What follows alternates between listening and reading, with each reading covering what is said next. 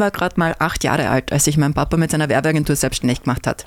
Damals ist quasi über Nacht ein neues Familienmitglied bei uns eingezogen, ist ab da mit bei uns am Tisch gesessen und hat auch sonst ziemlich viel Platz eingenommen. Ich habe einige andere Sachen ausprobiert, bevor mich mein Weg wieder zurück in das Unternehmen geführt hat. Und es hat auch Zeit gedauert, bis ich meinen Platz gefunden und dann auch eingenommen habe. Von der Tochter zum Chef, zur Juniorchefin und jetzt bin ich voller Stolz die Nachfolgerin.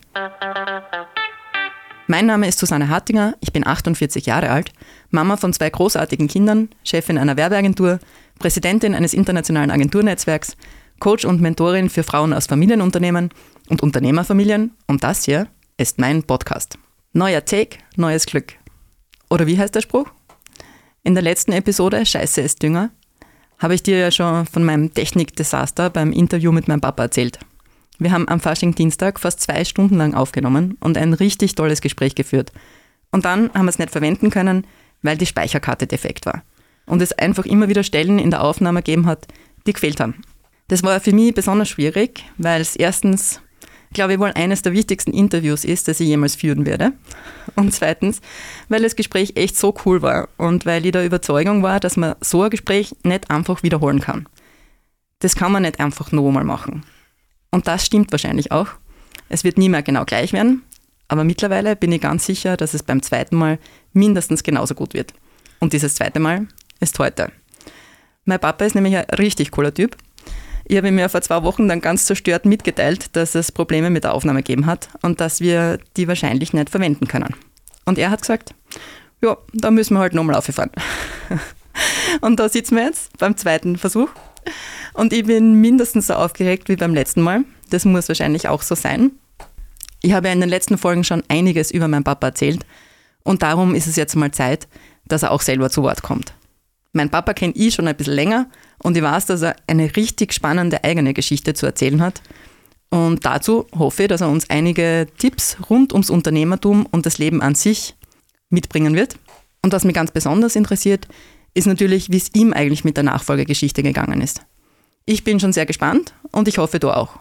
Also, legen wir los. Also, Papa, vielen, vielen Dank, dass du heute da bist. Ich habe mir beim ersten Mal schon riesig gefreut, ähm, dass du zugesagt hast und dass du dich bereit erklärt hast, in den Podcast zu kommen. Und umso mehr natürlich freut es mich heute. Herzlich willkommen. Ja, bitte gerne. Freue mich, dass ich da bin. ich muss gleich als erstes einmal eine Frage stellen, die mir besonders unter den Nägeln brennt.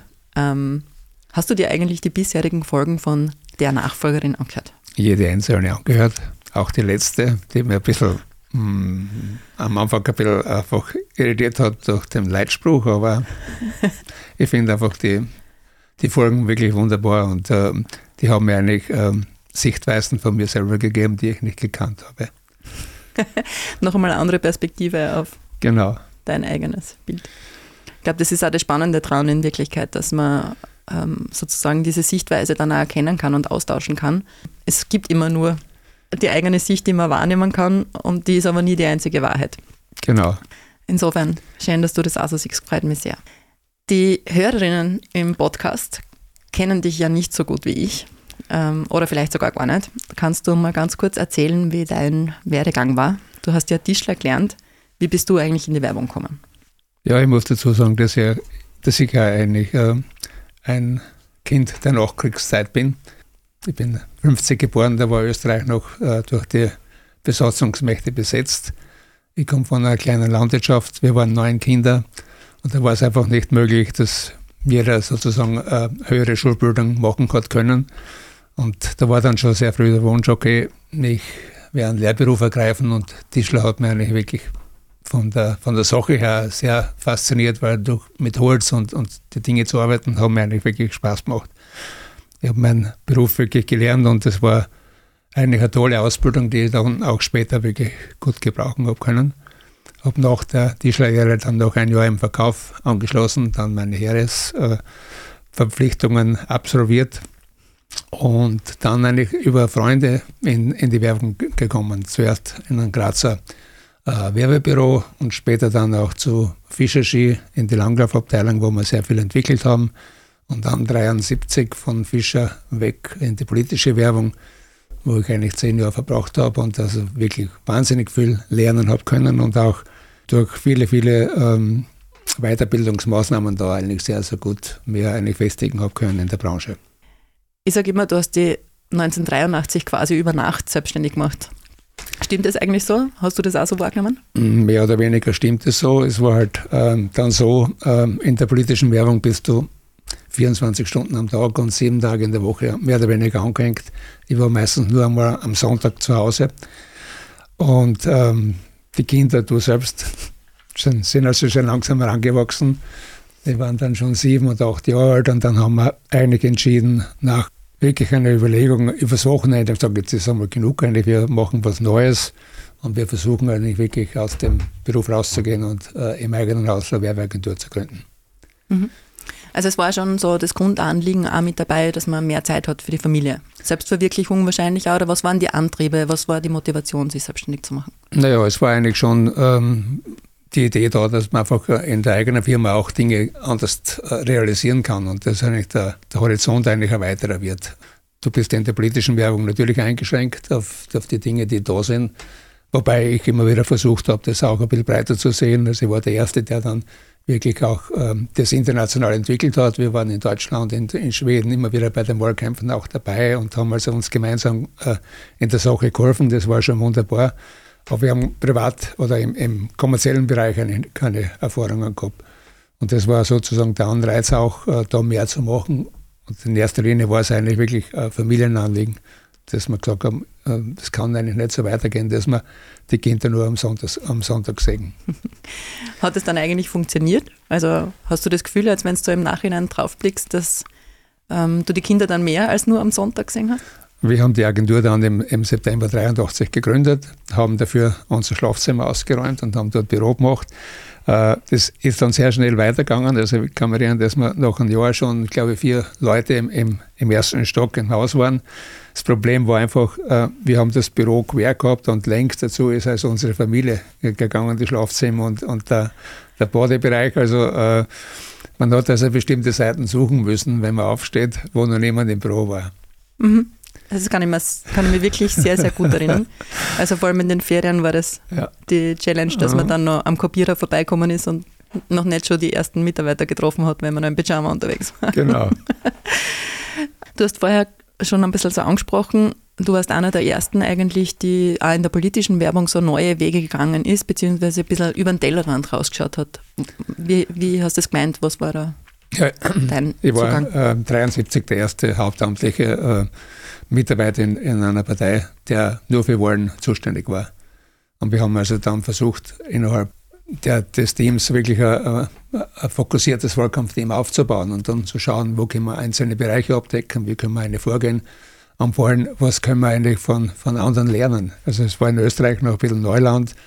Wahlen waren sozusagen halt für die letzten zwei Monate und dann versuchen wir halt ein bisschen Plakate zu machen und ein bisschen ins Radio zu machen und äh, rauszugehen, äh, um Wahlveranstaltungen zu machen. Und da war aber noch kein Denken da, dass man sagt, okay, ich muss über, das, über die ganze Periode eigentlich auch kommunikativ denken.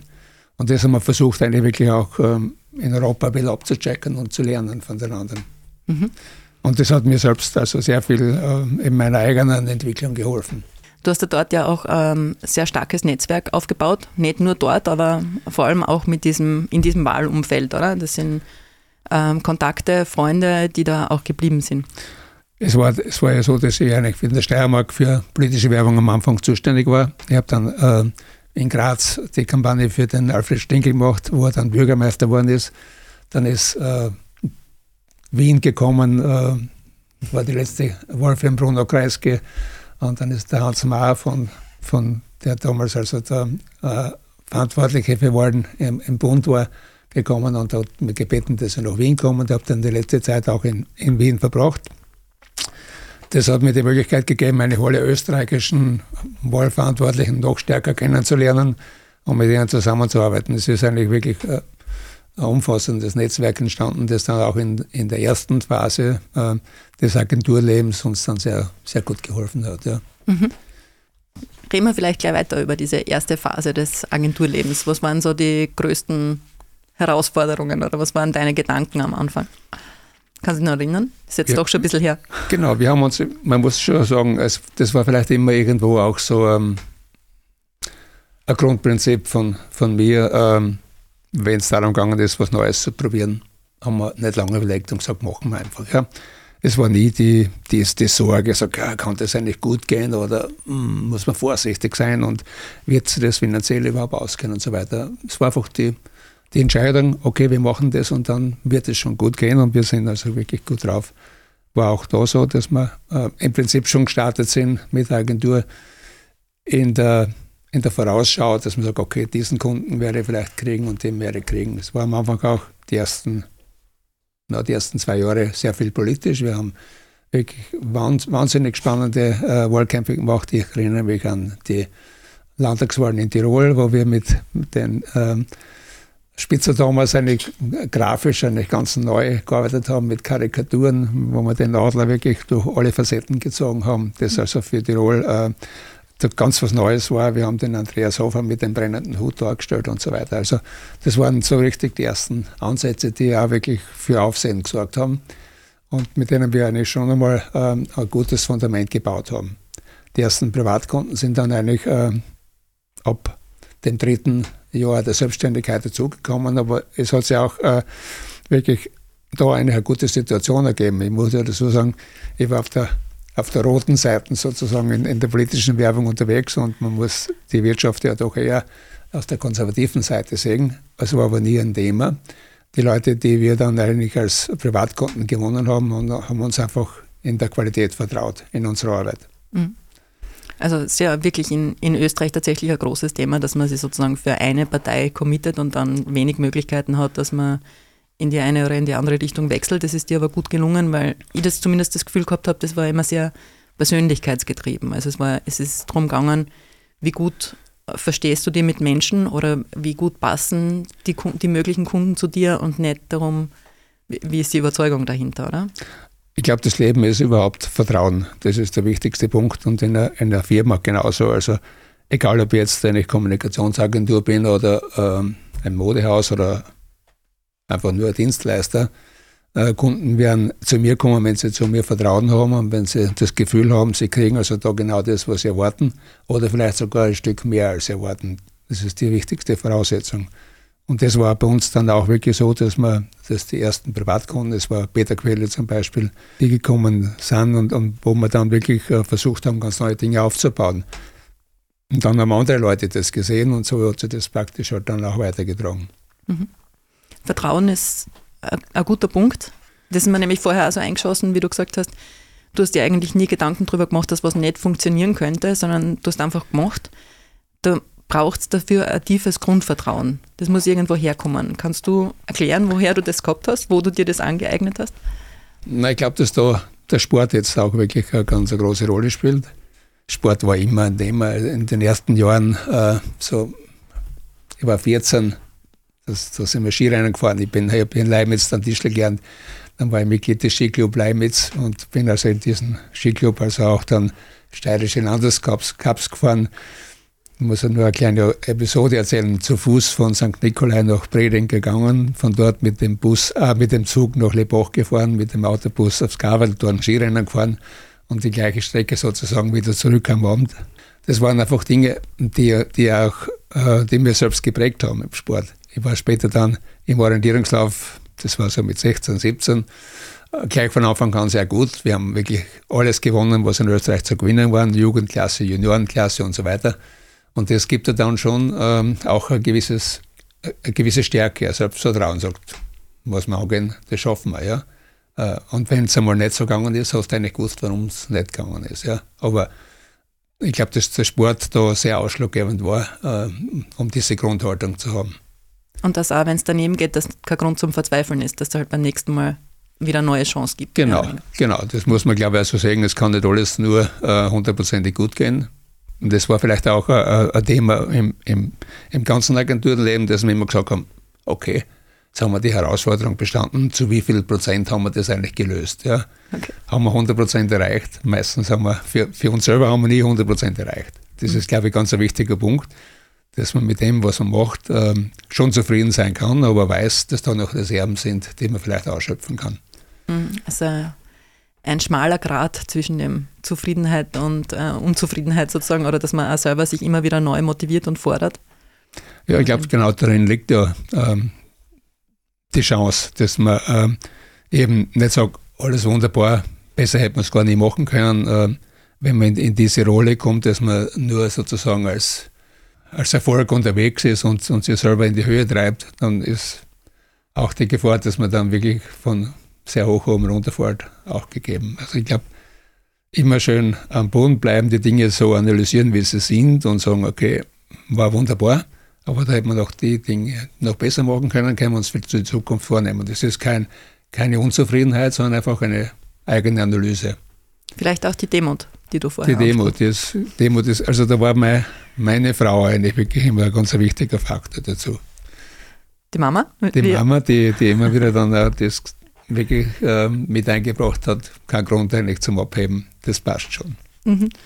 Da habe ich also ein paar Bilder im Kopf oder Geschichten im Kopf von ähm, Szenen, wo, ihr, wo eigentlich die Mama sozusagen diesen, diese Außensicht eingebracht hat oder dein Test war oder dein, dein fast möchte ich sagen, größter Kritiker, aber natürlich auch immer größter Unterstützer, aber bei den, bei den Projekten oft sehr kritisch. Ja, das ist genau richtig. Wir haben immer wieder halt natürlich mit dem Team entwickelst äh, und schaust, okay, äh, du hast eine Kampagne vor dich oder du hast bestimmte äh, Dinge vor, vor, vor dich und äh, zum Beispiel Direktmarketing war immer wieder so ein Thema, äh, das ich wirklich äh, sehr geschätzt habe, weil ich gewusst habe, mit dem kann man also wirklich sehr viel bewegen. Und wenn wir dann einfach ähm, Maßnahmen entwickelt haben oder Projekte entwickelt haben oder Dinge, die man einsetzen kann, dann waren wir voller Euphorie und dann kommst du am Abend heim und sagst, du, jetzt haben wir was ganz Entscheidendes, was Tolles entwickelt und schau her, so schaut das aus. Und wenn dann die Mama sagt, naja, mhm, aber na, ich weiß nicht, ob das wirklich so gut ist. Und wenn man dann die Diskussion einmal führt und dann kommt man eigentlich drauf, weil man die Gegensicht sozusagen wirklich ähm, sehr brutal erlebt, äh, dann wird das Ganze ein bisschen nüchterner. Und ich glaube, das ist ein ganz wichtiger Punkt immer wieder gewesen, dass wir versucht haben zu reflektieren und zu schauen, kommen die Dinge so an, wie wir das sehen. Also man ist ja von der Euphorie, äh, wenn die Idee einfach da ist, sehr oft einfach ähm, geprägt und eingeschränkt. Mhm. Also das war uns ein ganz wichtiger Punkt, dass wir das reflektieren haben können. Also verliebt in die Idee und dann braucht es eine Außensicht. Genau. Aber apropos Idee, du warst ja wirklich so ein ein Kreativvulkan oder bist du immer noch? Du hast ja ständig neue Ideen und auch immer wieder kreative Ansätze. Ist es ein Talent, das man hat oder kann man das lernen oder wie gehst du mit dem Thema Kreativität um? Wie kommst du zu deinen Ideen? Das ist schwer zu sagen. Ich bin jetzt 74, ich kann das immer noch nicht beurteilen, ob das Talent ist oder, oder Begabung oder, oder einfach nur ähm, ein, ein Befassen. Ich glaube, am, am, am ehesten ist es Letzteres. Wenn es eine Herausforderung gibt, dann speichert sich das ja im Kopf und es geht dann für sich ähm, über die Zeit. Es ist nicht immer so, dass die Idee einfach so spontan kommt, sondern man, man tragt das über mehrere Tage und eigentlich sind es über, über diese Zeit, habe ich das Gefühl, einfach äh, Dinge, die sich im, im Hirn einfach abmischen. Du hast aus der Vergangenheit so viele Dinge drinnen, die man wieder neu kom, äh, komponiert oder kombiniert und dann eigentlich zu einer neuen Idee zusammentragt das ist für mich eigentlich der Punkt immer wieder gewesen. Die Zielsetzung, klar, äh, herausgeschält und dann einfach äh, geschaut, was gibt es zu dem Thema und was sind Alternativen. Und immer mit dem Grundsatz, wir machen nie das Gleiche, wir schauen immer, dass wir abheben und anders sind. Mhm. Und ich glaube, was auch wichtig ist, ist, dass es halt nicht zwischen 8 und 16 Uhr passiert. Und, oder nicht, zumindest nicht eingeschränkt zwischen 8 und 16 Uhr, sondern dass man halt zulässt, dass das Teil des Lebens ist. Na, ich glaube, dass man in jedem Beruf oder im, was immer man im Leben macht, äh, nie äh, zeitlich beschränkt irgendwo unterwegs ist, sondern eigentlich immer 24 Stunden am Tag und sieben Tage die Woche. Und das war zum Beispiel auch immer äh, ein Thema, das ich Bewerber, die also ins, ins Haus gekommen sind, eigentlich immer wieder gestellt habe und so. Ich sage, okay, ähm, welche Plakate hängen denn momentan in Graz? Und das war dann immer schwer zu beantworten. Und ich denke, das ist aber wichtig, äh, wenn ich einfach Werbung mache oder Kommunikation mache, dann muss ich ständig wissen, was sozusagen rund um mich läuft, was die anderen machen, was eigentlich rundherum passiert, was äh, in Österreich passiert oder auch darüber hinaus, um, um dann, wenn es darauf ankommt und wenn ich das selber brauche, daraus eben die richtigen Schlüsse zu ziehen. Hm. Ich habe die Frage tatsächlich von dir übernommen ähm, für die Bewerbungsgespräche. Also ich stelle das ja nach wie vor und frage immer und das ist ähm, teilweise ein bisschen erschreckend, weil ich glaube erstens äh, die Impulse einfach so viele waren sind, dass die Leute sich schwer tun, das tatsächlich zu benennen. Aber weil eben diese, dieses Interesse und die Neugierde für einfach den Job an sich oder für das Thema an sich ähm, ein bisschen ja, nachgelassen hat. Oder dass man sich vielleicht klarer darauf besinnen will, auf dieses, okay, ich brauche eine Trennung zwischen Work und Life, also diese Work-Life-Balance. Wie gehst du eigentlich mit dem um oder wie hast du das gehalten? Naja, muss man vielleicht dazu sagen, dass wir es äh, in der Vergangenheit fast leichter gehabt haben, als äh, das in der Jetztzeit eigentlich passiert. Die Dinge waren früher einfach klarer, wir haben weniger äh, Impulse sozusagen gehabt oder weniger Mittel, auf die wir schauen haben müssen. Und ähm, wir haben eigentlich den Grundsatz haben müssen, alles, was du aufnimmst, musst du speichern. Das hat sich inzwischen ja geändert durch die Technik. Äh, heute ist es ja in unseren Köpfen nicht mehr so, dass wir alles, was wir sehen und, und, und aufnehmen und speichern müssen, weil wir genau wissen, wo wir es abrufen können. Mhm. Wenn ich einfach nur in den Computer gehe, dann finde ich die Dinge alle. Und daraus äh, entwickelt sich sozusagen äh, wahrscheinlich auch ein anderes Verhalten. Das kann man eigentlich den, den Leuten jetzt eigentlich gar nicht mehr äh, zum Vorwurf machen, dass sie nicht wirklich so konzentriert drauf sind. Wobei, wenn jemand äh, sich wirklich auf, auf, Dinge spezialisieren möchte, dann muss er das trotzdem machen, weil es kann nicht immer nur ähm, die Zeit dann da sein zum Nachschauen, sondern ich muss es ja auch eigentlich im, im Hinterkopf kombinieren können. Hm. Also das ist jetzt auch vielleicht so ein, ein, ein guter Moment, um die Frage zu stellen, ähm, was du anderen Gründern oder Leuten, die jetzt überlegen, sich selbstständig zu machen oder was Neues zu starten, was du denen mitgeben würdest als Tipp oder als Ratschlag, was man am Anfang, worauf, worauf man achten sollte oder was man unbedingt braucht? Ich glaube, dass man, ähm, bevor man sich selbstständig macht, ähm, mal selber so weit sein muss, dass man das Gefühl hat, man kann den Job, man macht den gut äh, und man hat die Fähigkeit, ähm, mit der äh, eigenen Leistung, die einfach vorhanden ist, äh, einen Kunden zu überzeugen und denen einfach wirklich weiterzuhelfen. Wenn, wenn die Voraussetzung da ist, dann kann man auch in die Selbstständigkeit gehen. Aber ich glaube, es ist ein ganz entscheidender Punkt, dass man nie ähm, eigentlich glaubt, okay, ich bin am Zenit und mir kann keiner was erzählen und ich mache das. Und ich rede einfach meinen Kunden ein, was die zum Tun haben, sondern es ist eigentlich ein, ein ständiger Prozess des Lernens und auch mit dem Kunden, denke ich mal, äh, ein ständiger Prozess des Dialoges, um wirklich gute Dinge zu machen. Wenn jemand sich jetzt so selbstständig macht, müsste diese Voraussetzung mal mitbringen. Und dann muss er eben schauen, wie er sich dahinter äh, wirtschaftlich aufstellen kann. Ich denke mal, die eine Seite ist die kreative Seite, die inhaltliche Seite und die zweite Seite ist die wirtschaftliche Seite, die ist genauso wichtig, die man im Wirtschaftsleben eigentlich beachten muss. Mhm. Das sagt der Philipp Marathon, er sagt das nämlich auch so, das ist äh, spannende, das war jetzt spannender Ansatz, äh, von wegen, bevor man sich selbstständig macht, sollte man sich am besten irgendwann mal zuerst zuhängen, an jemanden hängen, von dem man wirklich was lernen kann und schauen, dass man das selber mal beherrscht und erst dann über eine Selbstständigkeit nachdenken, nicht wie man es halt jetzt oft so hypen, dass man sagt, man muss unbedingt sofort gründen und macht dich selbstständig, ist das Beste, weil dann kannst du es gestalten. Also das ist vielleicht auch ein bisschen so der, der Tipp, der jetzt da mitkommen ist, oder? Ja. Reden wir nochmal über die wirtschaftliche Seite, weil du also gerade da gesagt hast, ähm, man muss dann natürlich auch schauen, dass man sich wirtschaftlich gut aufstellt und vorher hast du schon mal gesagt, du hast dir eigentlich nie Sorgen drum gemacht, dass das nicht hinhauen könnte. Jetzt, wie du die 83 selbstständig gemacht hast, haben wir ja tatsächlich vorher eigentlich erst unser neues Zuhause bezogen. Ähm, wir waren noch recht klein, also ich achte, die Uli knapp sieben und dann hat es auch noch einen ganz kleinen dazugegeben, einen Peter. Ähm, also mit drei Kindern und am Haus, das ist schon so eine Verpflichtung, wo man normal sagt, das, das bringt, da hat man schon den Drang, Sicherheit zu, zu haben, oder? War das bei dir gar nicht so? Äh, wir haben da Erfahrung gehabt eigentlich in der Sache. Äh, wir haben unsere erste Wohnung 1971 bezogen. Wir haben kein Geld gehabt, äh, überhaupt nichts. Wir haben die leere Wohnung vorgefunden und haben ein Bett mitgenommen und haben mit denen eigentlich gestartet. Und wir haben das ganz gut gemeistert. Das ist eigentlich wirklich gut gelaufen. Wir haben dann 1976 begonnen, eine Siedlung zu bauen. Und wir haben nicht nur ein Haus, sondern das ist eigentlich ein, ein Wohnversuchsmodell gewesen mit 14 Einheiten.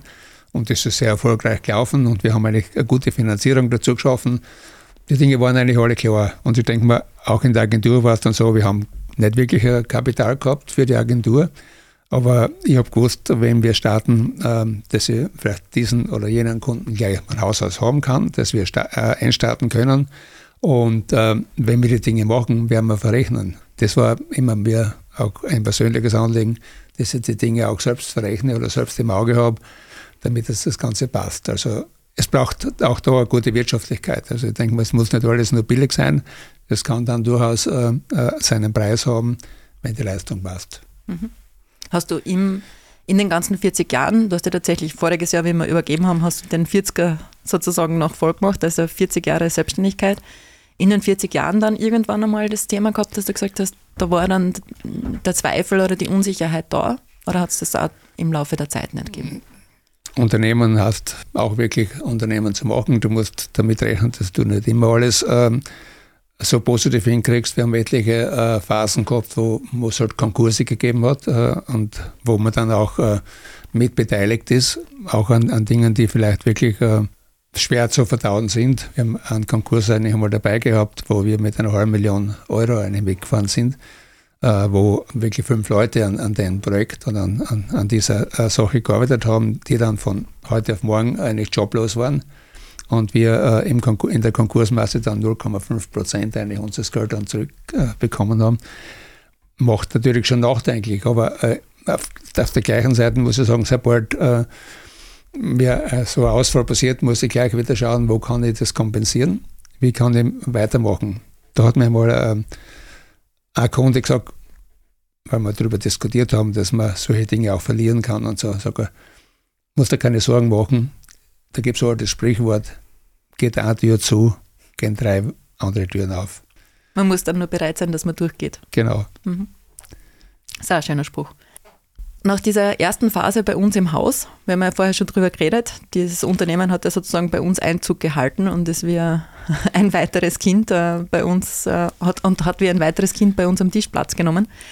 Du hast dann recht schnell für dieses weitere Kind ein Haus gebaut oder hast ihm ein Zuhause geschaffen und ein Agenturgebäude hingestellt, das nach wie vor, sage ich, für immer wieder für Staunen und für Bewunderung sorgt. Magst du ein bisschen erzählen, wie, de, wie da die Entstehungsgeschichte dazu war? Ja, wir sind sehr schnell gewachsen, muss ich sagen. Also um 83 gestartet, dann eben wirklich äh, gute Kunden gekriegt, mit denen wir eigentlich auch äh, guten Umsatz gemacht haben und äh, eine gute wirtschaftliche äh, Entwicklung genommen haben. Und dann war sehr schnell eigentlich die Überlegung, wir brauchen einen Platz äh, außerhalb des eigenen Hauses, weil äh, da kommen wir im Prinzip nicht weiter. Die Grundüberlegung war gleich, das Grundstück neben uns eigentlich zu kaufen und dort eine Agentur zu bauen. War aber mit den Bauern nicht einfach und es hat eigentlich drei Jahre gebraucht, bis wir das Grundstück gekriegt haben und dann haben wir es tatsächlich gemacht. Das Gebäude, das wir dann hingestellt haben, hat auch mit der eigenen Philosophie zu tun. Wir machen nichts Normales. Wir stellen nicht einfach nur ähm, äh, eine Halle hin und in der machen wir das Ganze dann, sondern Grundprinzip war, okay, wir bauen eine Agentur, in der die Arbeitsplätze ungefähr so sind wie die Wohnzimmer zu Hause. Die Leute sind ja den ganzen Tag in der Agentur, also sollen sie ihre Zeit im Wohnzimmer mehr oder weniger verbringen. Auf der anderen Seite war die Überlegung, das wird ein Haus, das steht jetzt dann da. Wenn die nächste Generation also mit in die Agentur kommt, ist es wunderbar, aber es braucht bei uns eigentlich niemand die Verpflichtung haben, mit der Familie die Agentur zu übernehmen. Äh, wenn, wenn, man, wenn, wenn, wenn die nächste Generation das nicht mag, dann kann man aus dem Haus was anderes machen. Das war sozusagen die Grundüberlegung und ich glaube, das Haus ist dann eben zu unserer Zeit, das war in den 80er Jahren, ähm, doch sehr originell geworden, sagen wir mal so. Es war ein Holzhaus mit sehr, sehr viel Glas und auch mit einer äh, sehr speziellen Innenarchitektur. Das hat natürlich schon für Aufsehen eigentlich in Leimitz und in der Südsteiermark gesorgt. Also ich kann sagen, wir haben das ja voriges Jahr im Sommer dann innen neu gestaltet, also in den Innenräumlichkeiten nur. Und alle Handwerksbetriebe, die wir da haben, haben gesagt, das sieht man halt auch nicht oft, weil da ist gar nichts normal. Also das Ziel ist so 100% erreicht, wie du vorher gesagt hast, was Normales machen wir nicht. Das war, ist eigentlich alles sehr speziell, also ganz besonders eben gestaltet. Das hast du aber für dich ähm, gezeichnet und ähm, designt, oder? Ich habe, wie bei vielen Dingen, also man hat, ähm, da muss ich vielleicht wirklich zu meiner äh, Philosophie der Agenturleitung und der Agenturführung auch noch ein paar Worte sagen. Es war immer so, dass ich in Wirklichkeit Vordenker, äh, Vorleister war und eigentlich das Team immer dazu genützt habe, ähm, mir Assistenzleistungen zu bieten. Ja? Also ich habe die, die Dinge vorgegeben und die, ja, mein Team ist mit mir praktisch gemeinsam gegangen. Und die haben auch in, in meinen Sinne mitgedacht und die Dinge auch gemacht. Und das war auch äh, da eben so, dass wir gesagt haben, okay, wenn wir ein Haus bauen, haben wir, dann nehmen wir uns einfach vielleicht jemand dazu, der sich fachlich auskennt. Aber trotzdem versuchen wir, äh, unsere Ideen also wirklich weiter einzubringen. Ich habe dann einen Freund gehabt, der Innenarchitektur eigentlich gemacht hat. Und mit dem haben wir das gemeinsam halt entwickelt. Wir haben ähm, zu uns verschiedene Vorbilder eigentlich so ähm, angeschaut auf dem Papier und haben dann die beste Kombination für uns eigentlich zusammengerichtet. Grundprinzip war für mich immer, okay, es steht ein Haus im Grünen. Wir brauchen rundherum viel Grün. Wir haben 2.500 Quadratmeter eigentlich Areal und das Haus ist in der Mitte und auch die Landschaft draußen ist sozusagen Teil des, der Agentur und man sollte nicht nur innen drinnen arbeiten können, sondern auch draußen. Mhm. Das ist sehr gut gelungen. Also nutzen wir auch nach wie vor noch so. Okay, das freut, freut uns. Ja, inzwischen ist es ja doch, ähm, denke ich mal, auch äh, äh, wichtig gewesen, dass man es auch entsprechend adaptiert hat. Mhm. Für mich waren ja so die Jubiläumsfeste, da hat es ja zu jedem Zehner sozusagen hat ein großes Fest gegeben. Diese Tradition haben wir auch beibehalten. Ähm, zum Zehner, zum 20er, zum 30er, zum 40er, das waren so die Meilensteine, die ich im Kopf habe. Aber du hast sicher andere. Was sind so die großen Meilensteine in deiner in der Agenturgeschichte, an die du dich gerne erinnerst? Ich glaube, wir haben so in den 40 Jahren sehr viele äh, spannende Meilensteine eigentlich gesetzt, die nicht nur für uns als Agentur eigentlich wichtig waren, sondern die auch gesellschaftlich eigentlich ein bisschen was bewegt haben oder einfach für die Branche etwas gebraucht haben. Wir haben sehr schnell äh, nach der Gründung eigentlich, ich habe begonnen, mit den Kollegen in der Steiermark zu reden, dass wir sagen, können wir mehr gemeinsam zusammenarbeiten.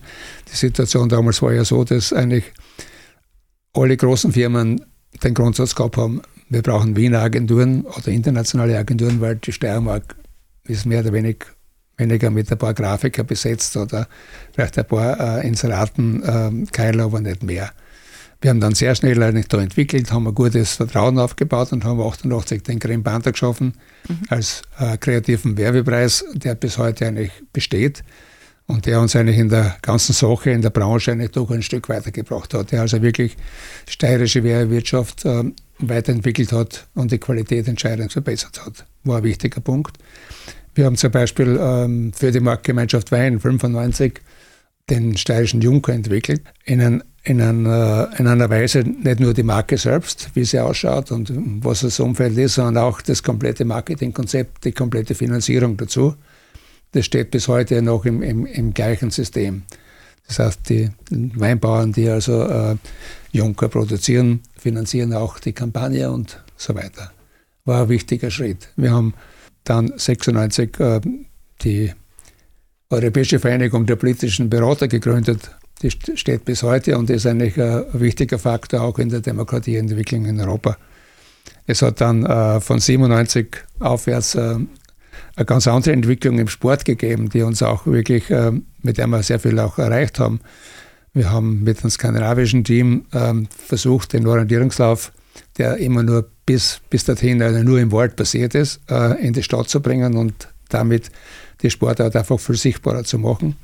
Haben einen Weltcup aufgebaut mit dem Team, den wir vier Jahre lang gemacht haben und der von Skandinavien über Europa nach Asien gegangen ist, also wirklich vier Jahre. Wir haben in Peking eine neue Landkarten gezeichnet mhm. in dieser Zeit. Und wir haben dann 2000 äh, in Leibniz oder in der Steiermark den Kongress gemacht mit Weltcups rundherum und 18 Veranstaltungen und dabei äh, einen Meilenstein gesetzt äh, mit der Nationen-Mix-Staffel, zwei Damen, zwei Herren. Diese Staffel ist dann Vorbild für viele andere Sportarten geworden und wenn man heute in die Sportarten schaut, gibt es das eigentlich fast überall, dass ja. Damen und Herren gemeinsam laufen. Das ist eigentlich ein Impuls, der damals auch von uns gesetzt worden ist. 2000. Weltorientierungslaufwoche hat das damals geheißen, oder? Weltorientierungs Weltorientierungslaufwoche, ja. ja. Gibt es übrigens jetzt auch diesen Begriff Weltorientierungslaufwoche. Ist jeweils eine Woche im Mai vom Internationalen Orientierungslaufverband als Werbewoche definiert. Mhm. Äh, wir haben 2000 dann begonnen, ähm, das Agenturnetzwerk aufzubauen mit, den, mit tschechischen und, und Schweizer Freunden. das du jetzt ja führst, das schaut inzwischen ein bisschen, ein, ein bisschen anders aus, aber damals waren eben dafür die ersten Schritte getan. Ich glaube, ganz ein wichtiger Punkt auch für die Agenturentwicklung, weil wir äh, da eigentlich an die Tradition angehängt haben, die wir schon in, in, in der Zeit der politischen Werbung begonnen haben, Kontakte zu Europa und in die Welt, um zu sehen, was dort läuft, um die Trends einzufangen. Das war ein, ein ganz entscheidender Schritt und wir haben wirklich äh, auch über die Jahre dann später immer wieder neue Impulse setzen können, die bis, bis heute äh, noch Maßstab sind. Wir haben, um noch ein Beispiel zu sagen, mit dem Römerlauf äh, in Leibniz äh, eine Veranstaltung gesetzt, die wirklich äh, weit über Österreich hinaus eigentlich Wirkung gezeigt hat. Es war ein Nachtmarathon, Halbmarathon über, 10 Kilometer, über eine 10 Kilometer Schleife, die mit Fackeln äh, ausgeleuchtet war, die also auch in, in, in, seiner Stimmung eine einzigartige Faszination wirklich äh, gebracht hat und der also wirklich äh, auch die Region wirklich bekannt gemacht hat. Und so haben wir eigentlich in vielen Dingen äh, eigentlich ähm, so Pionierleistungen erbracht und das ist eigentlich das Schöne dran. Mhm. Das war jetzt, finde ich, ein richtig schöner Mix, der gezeigt hat, genau das, glaube ich, was, de, was so deine Anliegen auch im Unternehmertum waren, oder? Also mal Nachhaltigkeit in den Projekten, die du machst, dann auch wirklich sozusagen Dinge zu verändern oder neu aufzubrechen, neue Maßstäbe zu setzen und dann auch einen Beitrag zu leisten für, die, für den Kunden, aber vor allem auch für die Gemeinschaft, für die Gesellschaft rundherum. Sind das so die, die drei Werte, an denen man es messen kann oder gibt es da noch? Na, die, das, kann, das kann man ganz gut im, im Prinzip zusammenfassen. Es geht eigentlich immer darum, dass man äh, nicht einfach nur das Geschäft sieht. Ja, dass ich sage, ich habe jetzt einen Auftrag und den wirklich als, als Firma oder als Agentur ab, sondern es geht immer darum, was kann ich eigentlich mit, mit, mit dem Auftrag eigentlich machen, um eigentlich auch für die Gesellschaft einen Impuls zu setzen. Gerade in, wir als Kommunikationsbranche haben eigentlich die Aufgabe, immer wieder ähm, auch gesellschaftliche Themen eigentlich anzu, anzustoßen und, und da Dinge zu machen, die einfach ähm, ein bisschen out of the box sind. Das ist, glaube ich, ein ganz entscheidender Punkt. Äh, wenn man gehört werden will, braucht man inzwischen halt Themen oder Maßnahmen oder Ideen, die einfach rausfallen. Dass die Leute stoppen und sagen, was war da jetzt gemeint damit? Und dann bleibt es vielleicht schon ein bisschen hängen. Mhm. Und so, glaube ich, kann man sehr viel ähm, Dinge einfach weiterentwickeln. Da kommst du ja wieder auf den, auf den Punkt der Tradition, wo ich sage, du ich Asche verwalten oder du ich Feuer entfachen.